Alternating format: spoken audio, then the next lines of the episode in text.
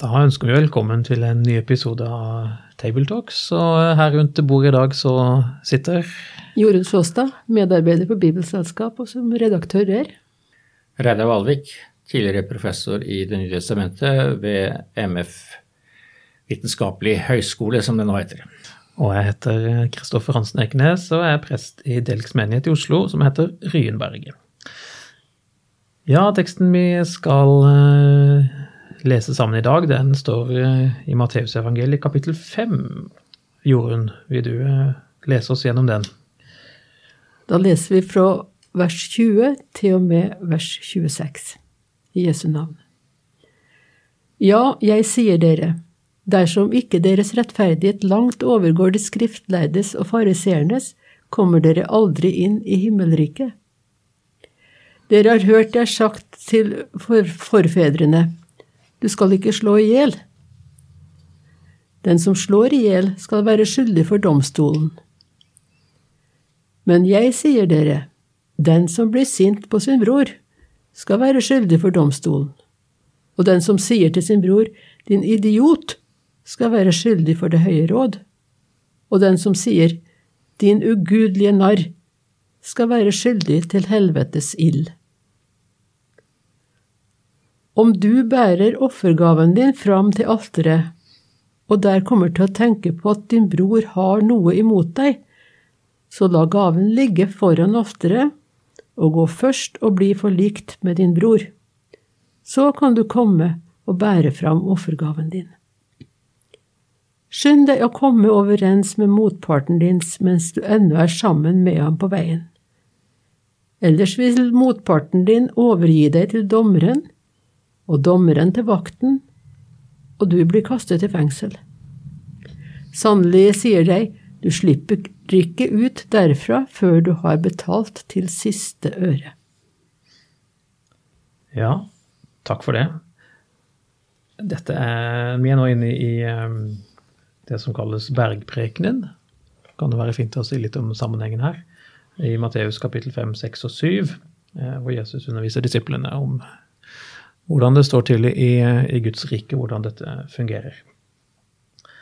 Eh, og så har han nettopp snakka litt om um, at han ikke er kommet for å oppheve loven og profetene, for å oppfylle de.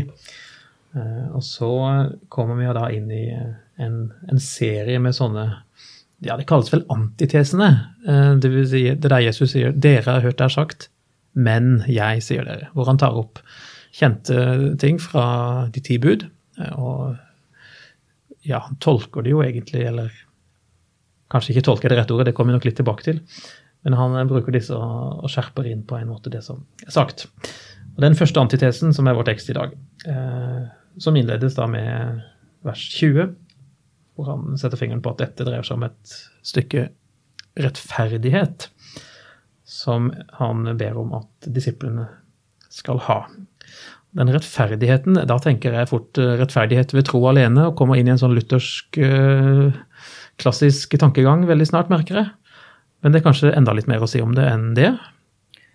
Ja, og det er veldig lett å tenke både luthersk og paulinsk, fordi det er jo Paulus som skriver veldig mye om, om dette med å bli rettferdiggjort ved tro. Men eh, Paulus og Jesus her i Matteus bruker ikke dette ordet nødvendigvis helt identisk. Jeg vil si Det er helt klart at man ikke gjør det. Og når vi møter det her i eh, vers 20, om en rettferdighet som overgår de skriftlærde og fariseerne, så er det helt klart at her går det på eh, livsførsel. Eh, så rettferd, rett måte å leve på, ja. gå fram på? Ja. Så det, det er her det ordet brukes på den måten, altså om en måte å leve på. Men det er helt klart at hvis man skal lese om rettferdighet her i Matteus, så må man også lese det i sammenheng med andre ord av Jesus i de eh, samme kapittel og kapittel etter, fordi det er et tema som, eh, som, går igjen. Og man kan vel si at sånn som eh, Jesus bruker ordet i bergprekenen, så er rettferdighet både en gave og en oppgave. Altså Når man ser på begynnelsene med saligprisningene i, i kapittel 5 vers 6, så sier jo Jesus salig er de som hungrer og tørster etter rettferdigheten, eh, for de skal mettes. Altså de skal få eh, denne sulten eh, tilfredsstilt. Det betyr at de skal få det som en gave. Og det samme finner vi i Matteus 6, 33, hvor Jesus sier søk først Guds rike og hans rettferdighet, så skal dere få alt det andre i tillegg. Altså, dere skal få alt det andre dere trenger, men dere skal også få Guds rike som en gave, og rettferdighet. Så der er det tale om det som Jesus da bringer. Det gir mennesker rettferdighet. Og når man har fått del i denne gaven, så har man en utfordring og en oppgave, nemlig å leve et rettferdig liv i overensstemmelse med bergprekens etikk, kan man kanskje si. Og da er vi jo inne på eh, noe av det Jesus sier og gjør mer konkret akkurat i denne antitesen. Eh, for det er jo en ganske skjerpa og skal jeg si, dyptgående etikk som på ingen måte liksom svever på overflaten. Eh, han snakker jo her om, om, ting som ikke rammes av loven vanligvis, som en domstol sjelden ikke vil, vil ikke bry seg om det. Men det handler om hva som skjer inni oss eh, i møte med f.eks. vår neste. da. Eh, og det er jo rimelig radikalt. og Da blir det plutselig på en måte umulig å være så rettferdig og flink i betydningen etterfølge, fordi det skjer så mye på innsida som vi ikke klarer å filtrere bort. Eh, så dette er ganske kraftig. Men vi må først si et ord om den autoriteten Jesus står frem med her. Den må jo ha vakt litt oppsikt eh, for disiplene. Å ta Moseloven i sin egen munn og si 'dette er sagt', men jeg, sier dere. Det er et ganske heftig stykke, ja, stykke å gå. Eh, så han snakker med guddommelig autoritet her. Eh, og det kan man si, det har han jo rett til. Eh, men jeg skulle likt å vite hva disiplene og de første som, som, hørte han, eh, hva de tenkte når de hørte, hørte, han si akkurat dette. De må jo ha blitt fylt med både ærefrykt og litt undring, antagelig. Ja, det er helt klart at det Jesus sier, det er jo å gå et stykke lenger enn det som ligger innenfor sånne vanlige skriftlærde diskusjoner, eh, hvor det er snakk om at ja, dette ordet betyr sånn og sånn, og man tolker det. Eh, fordi Jesus eh, sier jo til dels eh, imot. Nå er det ikke slik at alt som han refererer er direkte sitater fra Gammeltestamentet. En del er nok mer jødisk tradisjon. Men det er helt tydelig at han, det er et oppgjør med en tradisjonell skriftlig tolkning av, av Moseloven det, det dreier seg om. Og da kommer han inn med en autoritet som ingen av de skriftlærde hadde. Det sies jo også i, i slutten av bergpreken at folket var slått av undring nettopp over den, den uh, autoritet han talte med. Men det er jo på en måte tenker, nesten et sånn skremmende perspektiv uh, når det blir så nærgående som dette, da. Uh, det handler ikke bare om å unngå å drepe. Det kan de fleste av oss klare sånn, gjennom et normalt liv. Men altså den holdningen jeg har til min neste, kommer jeg i betraktning når jeg skal stå fremfor Gud. Ehm, så det jo tatt et eksempel fra dette med å ofre i tempelet, som jo var en del av den vanlige fromhet den gangen. Så viktig er det Jesus har snakket om, at man skal da utsette ofringa hvis man oppdager der at man, man har dette uoppgjorte med sin, med sin neste.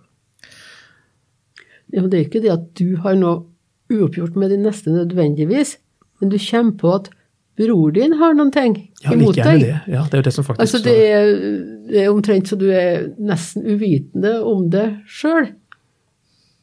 Men av og til så får vi jo blir vi jo påminnet om at andre har noe ting imot oss. Og, og kommer du på det, så er det faktisk da grunn god nok til å la offeret ligge og gå og gjøre det du skal. Nettopp. Så er det jo um, Han påkaller jo en maktstruktur her som er ganske Den går i flere sånne trappetrinn. Vi får her et lite innblikk i, i den gangs uh, prakt, altså innretting av juss- og domstolssystemet. Uh, hvor det først er en domstol, og deretter Det høye råd, som er liksom ankeinstansen. Og så går Jesus like til liksom, siste instans, helvetes ild. Det er ganske Det er sånn et ord som får det til å liksom grøsse litt på ryggen hos uh, moderne mennesker. Liker kanskje ikke å snakke så mye om helvetesild, men her gjør Jesus det uten å blunke. Uh, vi må kanskje si noe om den, den biten òg. Ja, skal vi ta det med det samme? Ja, det kan vi godt. Ja, altså fordi der, der er det jo et, eh, et, lite problem at vi bruker ordet helvete, som jo egentlig ikke er noe bibelsk ord. Jeg får La oss bare ta det med en gang. Altså, når ordet helvete dukker opp, så, så fyrer det jo bokstavelig talt opp eh, en del bilder hos oss eh, som kanskje aller mest henger sammen med ja, middelalderfremstillinger av hva dette fortapelsesstedet skal være for noe. Ja. Og det er jo det som er For vi, altså ordet helvete på norsk, det kommer jo av det norrøne hel, eh, som altså er navnet på Helheim, underverdenen. Eh, og der var det altså en, en uh, underverdensherskerinne, Hel, som, som, hersket og pinte mennesker. Og det har man jo i middelalderen sett f.eks. i billedkunsten, hvor man, hvordan man ser helvete fremstilt med en masse uh, djevler som piner, uh, som piner, mennesker. Men det er jo ikke det som er helvete i bibelsk mening, for det er ikke djevelen som hersker i helvete. Han skal derimot kastes i helvete på den ytterste dag. Altså det heter jo i, i Matteus 25, hvor denne, vi har denne domsscenen, uh, hvor han sier gå bort fra meg, dere som er forbannet, til den evige ild som er gjort i stand for djevelen og englene hans. Uh, det er der, eh, det er altså det, det stedet hvor Gud kaster de som har vendt seg bort fra ham, og de som er hans motstandere. Så det er ikke et sted hvor djevlene trives. Det er der de skal kastes på den ytterste dag. Så det, et, det gjør at vi kanskje har mange rare assosiasjoner til ordet helvete som ikke er bibelske. Sannsynligvis flere enn vi klarer å rydde opp i i denne korte episoden. Men det er fint å, å komme innom det og ha nevnt det. Eh, men det er i hvert fall eh, Poenget blir jo stående, da. Altså dette å, å synde mot sin bror på den måten, å kalle noen for en idiot eller en ugudelig narr, eh, det kvalifiserer ifølge Jesu uttale her til en ganske alvorlig konsekvens. Og de av oss som har småsøsken, kan jo noen ganger føle oss litt ille berørt av en sånn tekst. For jeg tror jeg har sagt idiot mange ganger.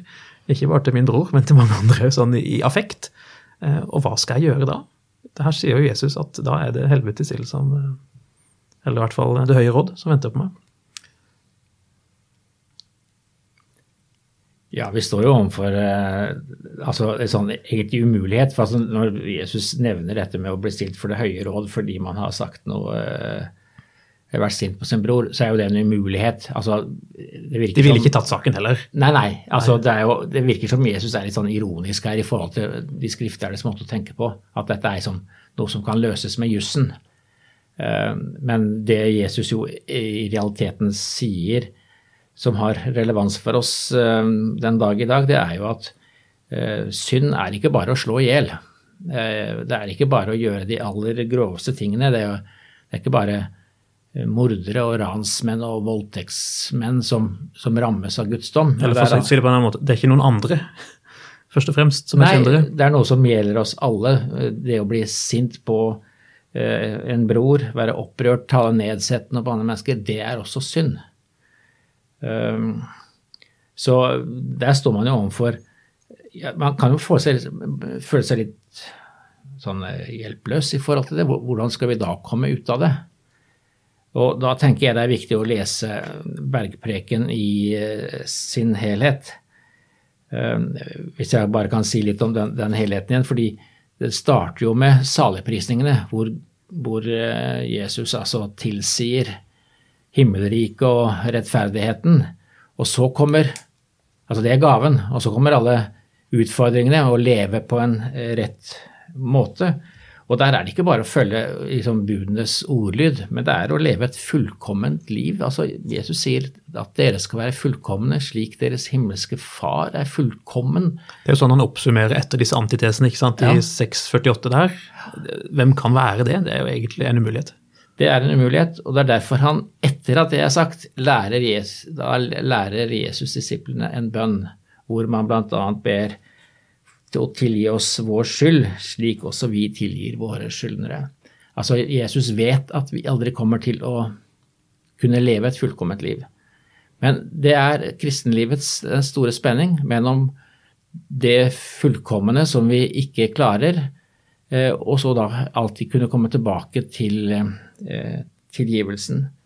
Men her er jo da også tilgivelsen koblet til at man skal tilgi andre. Så vi, vi lever i denne spenningen mellom det Gud gir, tilgivelse, og det Gud um, byr oss å gjøre, nemlig leve et, et, liv hvor vi tilgir andre og vi bare er ja, lever et rettferdig liv.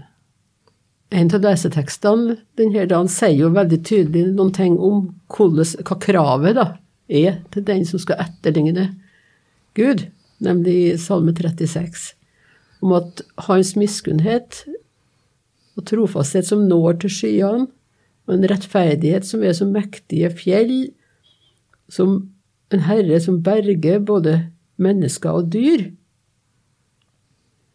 Altså, det er ganske omfattende, det her oppdraget som menneskene har fått, da, ikke bare i forhold til sin neste, men også i forhold til dyrene.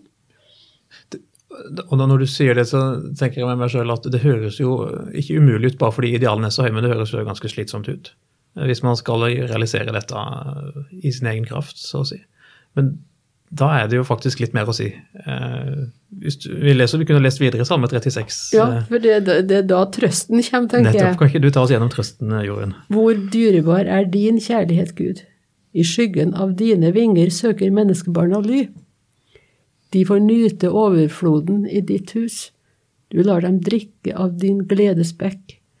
For hos deg er livets kilde, i ditt lys ser vi lys. Det er enkelt sagt, tenker jeg, men, men, det er veldig viktig at det er så enkelt, sånn at jeg skjønner det. Uten at jeg skal begynne å tolke noe mer hva dette her betyr for meg. Som da føler meg truffet, kanskje særlig på det der første punktet som vi har om, om du skal ikke slå i hjel. Hva har ikke jeg gjort med tunga mi, med tankene mine, med blikkene mine? Eh, alt det der kommer inn under det som her er skyld, gjør meg skyldig for Gud. Så det at han har en miskunnhet som når til himmelen, det, det, er godt. Ja, og det er jo i grunnen der alt begynner. For ikke å si slutter. Altså, det, det, er der, det, er jo der, det leves. Det er der vi lever. Um, I skyggen av hans vinger. Um, der hvor det er overflod. Ja, han sier livets kilde. Eh, for man kunne spørre hvor skal jeg få kilde og kraft til å leve dette livet som Jesus her skisserer for meg, og som jeg egentlig har litt lyst til, for det, det virker jo godt. Jo, men det er jo sann. Der er, er, kilden til livet. Det får oss jo for så vidt òg i kontakt med den andre leseteksten fra Galaterbrevet om åndens frukter. Um, hvor det er jo en sånn liten dobbelthet, for der sier jo Paulus 'lev et liv i ånden'.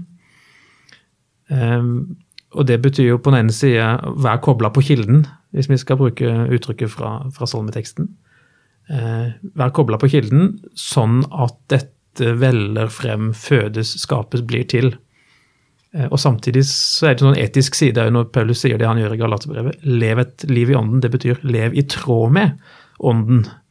Eh, og så nevner han jo en del av de her negative tinga som fort kunne rubriseres under å drepe, i litt utvida betydning. Eh, så man ser dette hører til det gamle mennesket, eller kjøttet.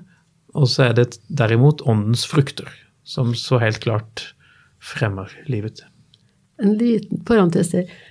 Hvis du leser det som står, så står det ikke åndens frukter, men åndens frukt, entall, er. Ja. Og så kommer det en lang rekke. Så ånden har én frukt med mange forskjellige utslag.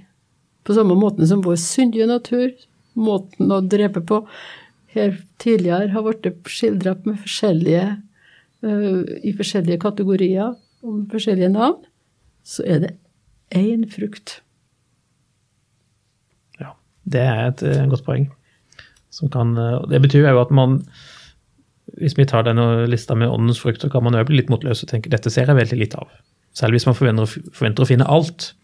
Eh, Og det er jo det et poeng som du bringer inn. altså. Det er ikke sikkert alt skal realiseres hos oss alle, men da er det disse tinga som vi vil kjenne igjen, at ja, dette er det ånden som gjør hos oss. Det betyr jo at vi som eh, Denne teksten minner jo oss som lutheranere om at eh, den augsburgske konfesjonen ikke bare taler om rettferdiggjort ved tro uten gjerninger, men det kommer en, en artikkel etterpå som taler altså om det nye livet. Eh, altså Det er snakk om en tro som er virksom i kjærlighet. En, en tro som viser seg ved åndens frukt, eh, og hva slags uttrykk vi nå bruker. Eh, og der, der er denne spenningen altså mellom loven som byr oss noe, og evangeliet som gir oss noe. Der vil kristenlivet alltid leves, og vi må passe på at ikke vi, ikke vi, vi opphever den spenningen. Jeg tror vi skal leve i eh, forvissning om Guds store gave og evangeliets uendelige nådetilsagn, eh, og også denne konstante utfordringen til å leve et eh, rettferdig liv. For et rettferdig liv er på sett og vis bare en, en frukt, et resultat av rettferdighetens gave. Altså, vi elsker fordi han har elsket oss først, for å si det med Johannes. Kan gjerne si det med Johannes. Særlig når det er så godt sagt. Eh, Ja da, og Du har jo flere sånne eksempler egentlig på en lignende tankegang. og jeg tror du har helt rett i at Det er utrolig viktig, kanskje særlig for slutteranere, da, som kan bli veldig sterke og veldig gode på det, den objektive biten av det. Dette er erklært hos Gud, sånn er jeg en rettferdig synder.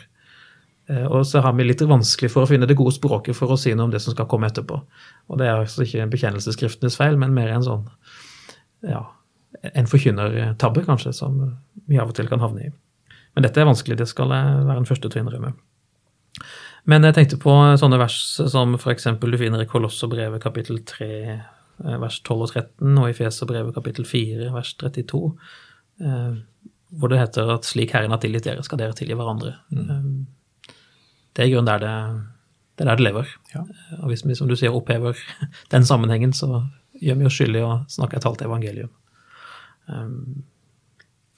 Ja, og da, da, da gjør vi jo ikke sånn som det står da i vers eh, 24. Vi, vi gir oss ikke tid til å gå av sted og bli forlikt med bror vår eller søstera vår, alt etter som.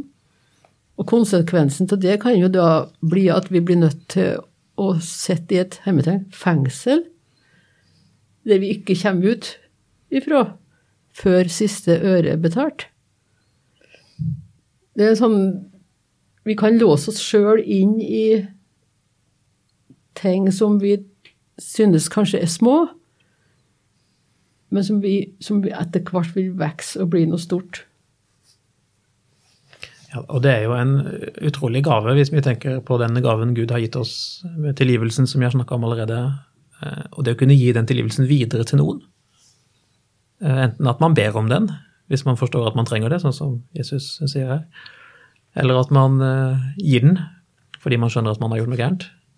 Eh, Det forandrer jo veldig mye i en relasjon, om ikke alltid momentant. Så er det en sånn utrolig viktig brikke som kan falle på plass, og det har stor kraft.